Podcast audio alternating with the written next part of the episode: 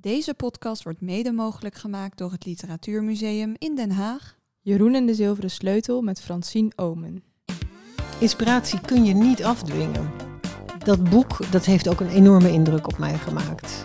Als ik dit al hoor, moet ik al grijnzen. Ik noemde mijn hoofd, mijn brein altijd een springhaanbrein. Leven lezen, leven lezen, leven lezen, leven lezen, leven lezen. Ik ben Marit. En ik ben Nienke. We houden erg van lezen en we zijn ook erg benieuwd wat anderen lezen. Daarom gaan wij iedere aflevering in gesprek met iemand over diens favoriete boek. Kunnen we door middel van de literatuur het leven van onze gast leren kennen? Kunnen we na het lezen van de boeken ook de gasten lezen? Nienke, ik heb een vraag. Wat lezen we vandaag? Dat moet je vragen aan onze gast. Wat koos die uit de boekenkast? Jean-Paul Sartre of Saskia Noord? Of hebben we er nog nooit van gehoord? Leven lezen. Leven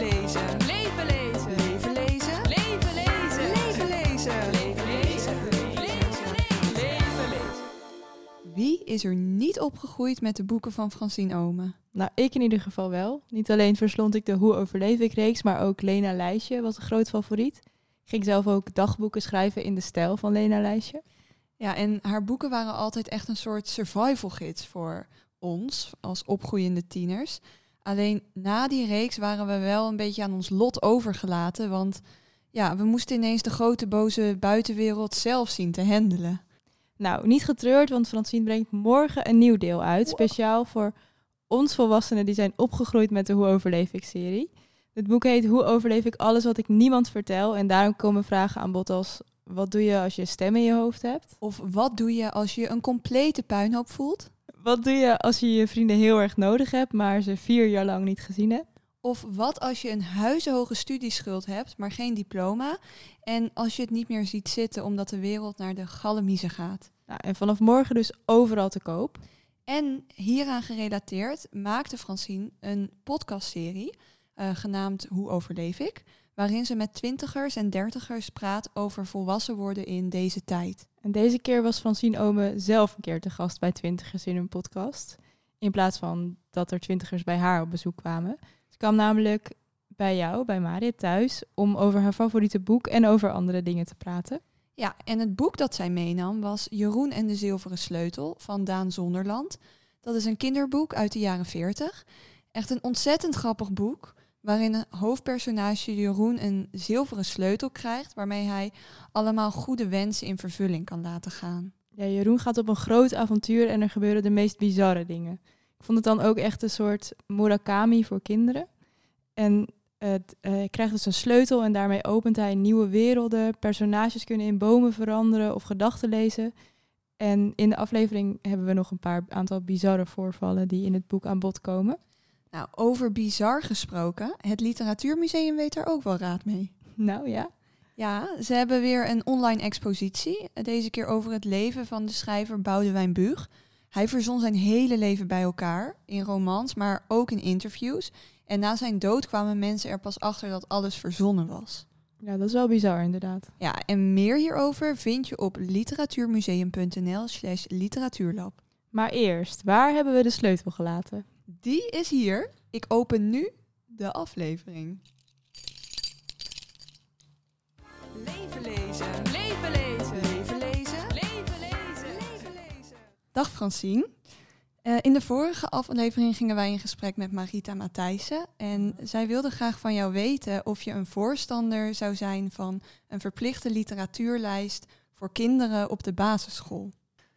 En Mijn antwoord daarop is nee. Ik ben daar niet voor, want ik ben, ik ben eigenlijk voor keuzevrijheid en voor dat eh, mensen zelf leren kiezen en niet dingen door hun strot gedouwd krijgen. Dus eh, ik vond zelfs op, op de middelbare school dat ook heel vervelend, zo'n die verplichte literatuurlijst. Ik wilde hele andere boeken lezen die volgens mij ook heel erg goed waren en dat mocht dan niet. Dus ik hou er niet zo van als mensen in een nauw vakje geduwd worden, op wat voor manier dan ook. Ik ben erg voor keuzevrijheid. En las jij zelf dan de verplichte boeken ook gewoon helemaal niet? Mm, nee, ik denk het niet. Wat las je dan wel? Ehm, alles wat los en vast zat. Echt alles wat los en vast zat. Dus dat, Kun je je nog een boek herinneren? Of Nou, ik, ik ben. weg ehm, ik heb mijn Engels mondeling gedaan op de band van de ring. het Engels natuurlijk dan. En dat, da- daar was ik wel diep van onder de indruk. Daar kon ik gewoon echt ook niet mee stoppen. Ik weet niet eens of die op de lijst stond of dat ik daar moeite voor heb moeten doen. Dat weet ik niet meer. Het boek waar we het vandaag over gaan hebben, Jeroen en de Zilveren Sleutel, is een boek dat je misschien op de basisschool las. Kun je je nog herinneren wat je er zo leuk aan vond? Nee, ik las het niet op de basisschool. Ehm, ik kom wel uit een lezende familie. En ik heb de eerste zes jaar van mijn leven woonde ik in de buurt, of eigenlijk op hetzelfde, in dezelfde tuin als mijn grootmoeder, grootvader. En mijn grootmoeder las graag voor. En die las het, ik, ja, ik denk dat ik misschien zes was. Nee, ik was jonger, want ik woonde er toen nog. Ik was misschien pas vijf. Maar dat boek, dat heeft ook een enorme indruk op mij gemaakt. Of eigenlijk alle boeken van Daan Zonderland. Dus het was niet een schoolboek, het was een boek wat thuis voorgelezen werd. En kun je nog herinneren wat zo'n indruk heeft gemaakt? Ehm, de enorme, het enorme vertelplezier wat er van afspat en de enorme fantasie. En ik moest er ook ontzettend om lachen. Dus het was en heel spannend en heel grappig en ongelooflijk fantasierijk. En het, het nam me mee in een fantasiewereld waarin ik ook wilde zijn. En is dat ook wat je er nu nog zo leuk aan vindt? Ik moet zeggen dat ik het het laatst gelezen heb toen mijn kinderen klein waren. En toen vond ik het nog steeds even le- leuk, nauwelijks gedateerd. En mijn kinderen vonden het even leuk als ik. En nu ik het hier zo weer voor me zie liggen, mijn eh, kleinkinderen hebben nu de leeftijd ervoor. Dus, eh, en net zoals ik vroeger bij mijn grootouders woonde, heb ik nu twee kleindochtertjes op mijn erf wonen. Dus eh, ik denk dat ik eens aan Jeroen ga beginnen. De oudste is nu bijna vier. Dus Ja, en zoals je al zei, is het een heel wonderlijk boek met hele, hele grote fantasie. ja. Het is bijna een soort fantasy-achtige wereld. Eh, lees je ook meer fantasy-achtige boeken? Bij Vlagen. Ehm, in mijn jongere jaren heb ik heel veel. Mijn vader was groot science fiction fan, dus hij had een bibliotheek en vol literatuur, maar ook eh, met heel veel science fiction en dan echt goede. Dus ik heb, het gaat met Vlagen, dus fantasy bij Vlagen, science fiction lees ik al lang niet meer. En eh, het laatste science fiction die ik gelezen heb was, was ehm, waar de boeken over Fitz van ehm, Robin Hope. Ik weet niet of jullie die kennen. Nee, zeg Die- mij niks. Dat is ook iemand zo die echt dat ik denk, hoe kan die zoveel dikke boeken produceren? Er zijn van die veelschrijvers, hè? Die echt elk jaar of elk twee jaar een boek van 800 pagina's hebben. denk ik, hoe doen ze dat? Maar het gaat met vlagen. Maar het is dus wel een genre dat je ook later in je leven bent blijven lezen. Niet alleen als kind. Fantasierijke. Met vlagen dus. En de laatste jaren lees ik eigenlijk bijna allemaal alleen maar non-fictie. Ben ik gewoon echt aan het Mm. studeren. En wat ik ook bij mezelf wel bemerk, is dat mijn leesgedrag veranderd is. Dat ik veel meer luister tegenwoordig. In de zin van luisterboeken. Ja, luisterboeken, podcasts. En dat ik dan intussen iets anders doe. Met mijn handen. Dat ik dan eigenlijk veel beter kan concentreren. Is er ook een boek dat je nu aan het lezen bent? Of aan het Ehm, luisteren. of aan het luisteren ben. Ehm, ja, ik zit, ik zit gewoon in, wer, in, in verschillende eh, boeken te lezen die met mijn werk te maken hebben. Dus met, eh, met intergenerationeel trauma. Ik ben aan het lezen over ehm, ADHD. Over, dus eigenlijk, ja, studieboeken zijn het eigenlijk allemaal. Dus ik ben niet. Nou, ik was even begonnen in een boek van Kristen Thomas, heet geloof ik, The Four Winds. Ik dacht van, ik moet ook weer eens wat fictie en toevallig kwam ik dat tegen. Leven lezen. Leven lezen. Leven lezen. Problemen in Jeroen en de Zilveren Sleutel kunnen allemaal op een hele bijzondere manier worden opgelost. Vaak op een hele grappige manier. Wanneer ze de heks bijvoorbeeld ervan willen stoppen om slechte dingen te doen, dan komen ze erachter dat de heks drie bezemstelen heeft. Eén voor goede dingen, één voor slechte dingen en één voor boodschappen. En dan, Dat was ik al vergeten, maar als ik, als ik dit al hoor, moet ik al grijnzen. En dan besluiten ze om die bezemsteel van de slechte dingen weg te doen, zodat de heks voortaan alleen maar... Goede dingen en boodschappen kan doen. Ja, of slechte dingen moet ze dan lopend doen. Ja. Eh, Nou, kijk, dit, ik was dit vergeten, maar ik vind dit dus al geniaal gewoon. ja. En ben jij ook, als er zich problemen voordoen, dat je een out-of-the-box denker denkt? Of hoe ga je daarmee om? Ja, ik ben absoluut een out-of-the-box denker. Dat, eh, dat is een van de dingen waar ik me ook in verdiep op het moment. eh, is de, de verschillende soorten breinen die er bestaan. Ik weet niet of je van neurodivergent en neurotypische brein hebt gehoord. Kun je er wat meer over vertellen? Nou, ik vind het super interessant. Ehm, ik heb altijd gedacht, ik noemde mijn hoofd, mijn brein altijd een springhaanbrein. Ik wist, ik weet pas, zeg maar, ehm, nog niet zo lang sinds ik dus bezig ben om me te verdiepen in het, uh, wat ze noemen het mentaal welzijn van jongvolwassenen, omdat daar, daar, ik daar nu voor schrijf weer. Ehm, tegenwoordig zijn er eigenlijk heel snel is alles een stoornis. Bijvoorbeeld wat ik net noemde ADHD is een stoornis. Terwijl ik heb me erin verdiept en ehm, ehm, ik denk eigenlijk, en dat, dat krijg ik ook bevestigd in een heleboel boeken, een heleboel literatuur, het is een superpower. En dat heeft te maken met dat ADHD-mensen tegenwoordig hebben heel veel mensen die diagnose of ADD. En er wordt acuut medicijnen voor voorgeschreven. Gaan de Ritalin en je wordt normaal. Ik zit nu bij mijn handen van die luchthaakjes te maken.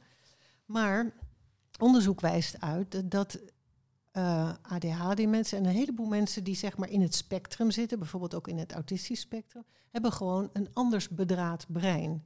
Dat veel associatiever is en niet lineair denkt. Dus met andere woorden, out of the box kan denken. Ik kan bijna niet lineair denken. En dat heeft ook, het heeft ook zijn nadelen, zijn handicaps. Uh, ik kan, ben bijvoorbeeld tijdblind. Ik kan niet plannen. Ik kan geen afspraken maken en houden. Je was vandaag wel op tijd. Ja, goed hè? ja, dat was wel heel knap voor hem. Maar ik heb de voorbereiding op dit gesprek... heb ik net in de snackbar hier in het winkelcentrum zitten. Kijk, als je neurotypisch bent, wat 90% van de bevolking is... bereid je dat keurig op tijd voor al een week van tevoren. Dan heb je allemaal je papieren. Oké, hier gaat het over. Ik heb in de auto gekeken waar het over ging. Ik herinnerde me vaag iets van een favoriet kinderboek. En vroeger bij mij op school was dat ook zo. Als ik een proefwerk moest leren, wordt op gehamerd, je moet op tijd beginnen, la la la. Nou, ik kan dat gewoon niet, want ik ben het tegen die tijd gewoon ook al lang weer vergeten. En het boeit me ook niet. Ik heb ook die spanning nodig om op scherp te komen. En dus als ik een proefwerk had, dan stond ik gewoon om vijf uur op stamp, stamp, stampen. En om negen uur komt het eruit. En of ik het dan verder vervolgens onthoud, is selectief. Als het me, als het me boeit, onthoud ik het en anders niet. Maar dus 10% van de mensen hebben zo'n neurodivergent brein. Dus dat is niet lineair. Dus lineair iemand gaat van A naar B. En um, een neurodivergent die neemt alle letters van het alfabet mee. Maar dat is dus out of the box denken. Dus dan mm. kom je onderweg allemaal dingen mee. Ik weet wel dat ik naar B ga, in mijn achterhoofd. Maar je neemt een heleboel informatie mee. En dingen die je meemaakt. En dus um, ik vind het super interessant. Ik ben heel benieuwd wat voor soort brein jullie hebben. Volgens mij best georganiseerd als ik hier omheen kijk. Ja, ik ben best wel georganiseerd. En kan ook wel goed plannen. Ja, uh, ik denk dat ik wat minder georganiseerd ja. ben. het is natuurlijk dat is ook, waarom dit werkt misschien. Ja, dat jullie elkaar aanvullen. En het is natuurlijk ook, je bent niet 100% neurotypisch en 100 maar de neurodivergente mensen zijn ook de uitvinders, mhm. de ontwerpers. Dat zijn de mensen die de evolutie van de mensheid voorwaarts helpen. Doordat ze out of the box denken. Nou, en Jeroen is misschien ook wel, heeft ook een neurodivergent brein, want die denkt ook heel erg out of the box. Het is in ieder geval een heel... Nou, niet Jeroen dan, maar de schrijver Daan Zonderland. Ja, maar het personage zelf ook, want die denkt ook ouder. Ja, maar ik denk niet dat Daan Zonderland, die eigenlijk Daniel van der Vat heet, dit ja. is een pseudoniem, want hij had ook een soort van serieus leven. Daan Zonderland, hij, was, hij gaf les op een universiteit, mm -hmm. was correspondent uh, voor de tijd in Londen. Dus Daan Zonderland moet een neurodivergent brein hebben, anders kon hij dit niet bedenken. Mhm. Ja, het is in ieder geval een heel wonderlijk verhaal. En tegenwoordig zie je best wel vaak dat er in kinderboeken maatschappelijke thema's en problemen uh, aanwezig zijn. Er zijn heel vaak gescheiden ouders, vluchtelingen, allemaal dingen die om ons heen ook gebeuren. Um, waardoor denk jij dat die verandering een beetje heeft plaatsgevonden? Dat het veel maatschappelijker is geworden dan zo wonderlijk als dit? Nou, in, in dit soort boeken, en dat typeert ook wel misschien de wat oudere boeken, want dit boek um, is voor het eerst verschenen in 58 of zo? 42. In 42 zelfs? Ja, midden in de oorlog. Wauw. Um, dat er meer metaforen werden gebruikt. Dus uh, in, in het boek van Jeroen wemelt het van de sprekende dieren, die eigenlijk een soort um, metaforen zijn voor mensen. Eentje is bijvoorbeeld Kees de Kankeraar. toen ik dat las, dacht ik, oh, dat zou nu echt niet meer mogen dat je eh, iemand zo noemt. Maar dat is gewoon ontzettend zeiksnor die overal iets op de. Dus het is meer verpakt of zo. Mhm. Vind je het belangrijk dat er in kinderboeken maatschappelijke thema's worden aangesneden? Ik vind zelf dat het, ehm, als het er, er te dik bovenop ligt, ligt er ook aan wat je bedoelt met kinderboeken. Hè? Bedoel je met kinderboeken eh, voor kleuters, peuters? Ja, even Basisschool de basisschool, want dit is natuurlijk ook eigenlijk voor de Ja, basisschool. dit is eigenlijk basisschool. Ja, dus een beetje die leeftijdscategorie. Ja, voor mij hoeft het dan denk ik nog niet te realistisch. Ik denk juist eh, kinderen van die leeftijd leven als het goed is. En dat is denk ik tegenwoordig al veel minder zo dan vroeger in een soort magisch-realistische wereld. Waarin ik veel plezier heb beleefd Mhm. vroeger. En eh, die werkelijkheid, ehm, die, die komt nog wel snel genoeg en hard genoeg binnen. Dus voor mij hoeft het niet heel per se er duimen dik bovenop te liggen. Maar net zoals in sprookjes, de belangrijke menselijke en maatschappelijke thema's, die zitten er wel in verpakt. En ehm, je zei net al Kees de Kankeraar. Die zou nu nooit meer in een boek mogen verschijnen. Nou, er zitten, hij moet we, misschien Kees de Mopperkont dan. ja, er zitten, mag kont waarschijnlijk weer niet. Kees de Mopperaar. Alles wordt heel vlakjes, hè? ja, want er zitten je heel, moet een gek woord bedenken gewoon. Niet Zit- bestaand woord. en er zitten meer elementen in die eigenlijk niet meer... Er zitten eigenlijk ook geen meisjes in, bijvoorbeeld. En er is een personage die heeft heel veel onderdaan, een beetje Ja, slavernijachtig. koning, koning Hazenvoet, hè? Ja. Ja. en is dat dan erg dat dat soort personages erin zitten? Ja, ik vind van niet. Ik ben niet zo ontzettend eh, van het, het schoon schrappen. En dat hoeft voor mij allemaal niet. Mag van mijn part best onderdanen hebben hoor. Het zijn allemaal heel grappig in ieder geval. Leven lezen. Leven lezen. Leven lezen. Leven lezen. Leven lezen. Op bladzijde 131 beschrijft het personage dat dichter is... hoe die inspiratie krijgt voor zijn werk. Misschien wil je dat even voorlezen? Ja, dit is dus voor mij, ik heb het al heel lang niet meer gelezen. Kan een ezel ook leren dichten? vroeg Isidor. Niemand kan leren dichten, bromde Kees. Daar word je mee geboren. Dat is een gave. Maar je kunt proberen of je haar ook hebt. Maar ik denk het niet hoor. Ik heb nog nooit gehoord van een ezel die kon dichten. Jij wel? Nee, zei Isidor nadenkend. Maar je bent nooit te oud om te leren. Hoe moet je het aanleggen om te dichten? Je moet heel diep nadenken over niets. Dan komt, komt het opeens, zegt, zei Kees. Dat heet inspiratie. Zeg nog eens een gedicht, vroeg Isidor. Dan zal ik het ook eens proberen. Goed, zei Kees. Maar dan moet ik even diep nadenken. En hij begon meteen diep te zuchten met zijn ogen dicht. Ik moet eigenlijk heel erg om lachen nu omdat ik nu al merk, weet je, dit, dit boek heb ik niet voor niks gekozen. Het zit heel diep in mijn DNA. En ik moest er net al aan denken met die bezemstelen. Ik heb het dus, het is echt, het zit soort ingegraven in mijn DNA. Dat in mijn latere boeken komen er dingen terug. Bijvoorbeeld de computerhacks met de bezemsteel. En nu moet ik lachen omdat. En ik had dus geen flauw idee dat dat misschien dus zo'n zo'n onbewust spoor was. Jonas in mijn boeken, ehm, een van de hoofdpersonen, die maakt ook een soort nonsensrijm. Eigenlijk Uit de Hoe overleef ik Ja, uit de Hoe overleef ik serie. Hij wil eigenlijk serieus dichter en schrijver worden, maar hij is eigenlijk heel erg goed in lollige rijmpjes maken die zijn vrienden ontzettend leuk vinden. Maar ik heb dus net het boek afgemaakt. En Jonas doet dat ook. Die kan alleen maar dichten als hij zijn ogen dicht knijpt. Dus nu moet ik denken, hè? Zou dat dus in mijn onderbewuste gegraven zijn dat Jonas moet zijn bril afzetten en zijn ogen dichtknijpen, anders komt Maar zo werkt dat dus, hè? Doet het pijn? vroeg Isidor bezorgd. Nee, bromde Kees, dat niet. Maar een dichter heeft een zwaar leven. Zij zuchtte altijd. Dat heet zwaarmoedigheid. En hij ging door met nadenken en zuchten. Na een paar minuten riep hij: Daar komt er een. Waar? vroeg Isidor en hij keek verbaasd om zich heen. Hier, bromde Kees en hij sloeg zich op de borst. Ha, ik heb het. Luister. Hij schraapte zijn keel en begon. Een schaap zegt be en een beer zegt brom, maar ik heb liever kommerkom. Wat is een kommerkom? vroeg Isidor. Dat is een komkommer, zei Kees. Waarom zeg je dan niet komkommer? als je komkommer bedoelt, vroeg Isidor weer, omdat het dan niet rijmt. Mag dat allemaal maar zo? vroeg Isidor verbaasd. Ja, dat heet dichterlijke vrijheid. Maar zulke dingen mag alleen een dichter doen.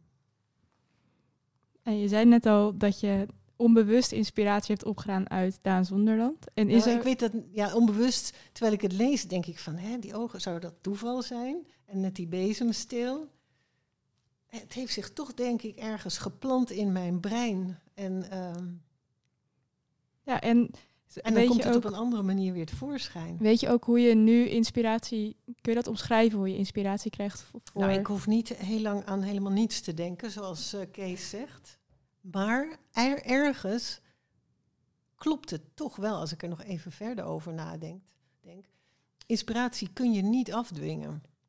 Dat is een ramp, dat weet elke schrijver. Als je voor je computerscherm gaat zitten met een lege pagina en gaat persen, dan, gaat, dan komt er gewoon niks of er komt bagger. En juist op de momenten dat je brein, en dat is weer mijn wetenschappelijke kant, in de, in de theta brainwave staat, dat is een hele ontspannen, rustige. Je komt erin tijdens meditatie, maar ook misschien tijdens een lange wandeling, of als je gewoon onder de douche staat te staren of zo. Dan komen uit jouw onderbewustzijn de ideeën omhoog. En behalve schrijver ben je ook illustrator. En gaat dat proces van inspiratie vinden of eh, werken van niets naar iets op dezelfde manier? Of is dat iets heel anders? Ik denk eigenlijk dat dat ook. Het ontstaat, Kees heeft gewoon hartstikke gelijk. Het ontstaat uit niets, uit schijnbaar niets. Maar dat schijnbaar niets is in feite. We hebben allemaal ons onderbewustzijn. Waarin een heel, waar onze dromen vandaan komen. Maar waar heel veel beelden leven. Beelden van uit, eh, misschien wel uit het leven van onze voorouders. Maar van wat we opvangen dagelijks. En het is meer, denk ik, daar de ruimte aan geven. Door niets te durven doen dat, dat dus die ideeën omhoog kunnen komen. En, en dat vind ik heel jammer van tegenwoordig. En ook van, als je het hebt over de jeugd van tegenwoordig en ook de jonge lezers, begint al nu al, wat is het, groep, wanneer krijg je een telefoon? Groep 7, groep 8. Misschien wel jonger. Ja, je geest is constant bezet. En is nooit dus vrij. En ik denk dat ideeën alleen kunnen neerdalen in een vrije geest. En niet in een bezette geest. Leven lezen. Leven lezen. Leven lezen. Leven lezen. Leven lezen. En je hebt geschreven voor twintigers, maar je hebt ook boeken geschreven voor kinderen en ook voor volwassenen. En voor welke doelgroep schrijf je het liefst? Ook dat gaat met fases. Het is, ik ben niet iemand van vastigheden. Ehm, al- alles komt, alles heeft een getijde. Zoals een eb en een vloed. En ik ben nu bezig te schrijven voor de, voor de jongvolwassenen, voor Gen Z en de millennials, die ik samen generatie hooi noem. Want eigenlijk zijn mijn boeken door ruim anderhalf generatie, die zijn ermee groot geworden. En dat, dit heeft nu mijn fascinatie. En dan eh, duik ik daar helemaal in. En daarvoor was het dus de, de twee graphic novels. Ome stroomt over. Wat over mijn persoonlijke overgangsperiode ging. Maar tegelijkertijd over, ook over transformatie in veel bredere zin van het woord. En andere ging over intergenerationeel trauma. Dus dan duik ik daar wel helemaal... Dat hoort dus ook bij dat neurodiverse brein. Dat je hele heftige fascinaties hebt. Kan ook met hobby's zijn. Hè? Bijvoorbeeld, dan heb ik weer een hobby, dan ga ik weven leren. Ga ik naar Portugal om te leren weven. En dan duik ik daar, dan koop ik een weefgetouw, een spinnenwiel en schapen zelfs. En, maar een neurodivers brein heeft ook heel veel afwisseling nodig. Die kan niet één ding een heel leven lang doen. De doorgeefvraag. De doorgeefvraag. In de volgende aflevering gaan we in gesprek met Chinook Thijssen, een schrijver die heel populair is onder tieners, waarvoor ze thrillers heeft geschreven als Fataal Spel en Wonderland. Heb jij een vraag voor haar? Ja, ik eh, ben benieuwd. Ik heb nog nooit iets van haar gelezen. Maar of zij ook een soort van onderliggende boodschap of boodschappen. Dan moet ik weer meteen weer aan de heks van het begin denken. Met de bezemsteel. of ze boodschappen doet met de bezemsteel. Nee, of ze een onderliggende, of ze een missie heeft met haar boeken. Of dat ze haar boeken ziet als ehm, amusement. En met Chinook Thijssen gaan we in gesprek over Alice in Wonderland. Het wereldberoemde verhaal over Alice die door een konijnenhol valt en in een wonderlijke wereld terechtkomt. We spreken Chinook live in de bibliotheek in Drachten op vrijdagavond 15 september. Mocht je erbij willen zijn, dan kan dat. Het evenement is gratis. Bedankt voor het luisteren naar deze aflevering van Leven Lezen. Wil je meer afleveringen beluisteren? Volg ons dan in je favoriete podcast-app. Heb je een vraag? Of wil je ons gewoon iets laten weten? Stuur dan een mail naar levenlezen.gmail.com. Je kunt ons ook volgen op Instagram en Twitter. Tot de volgende keer!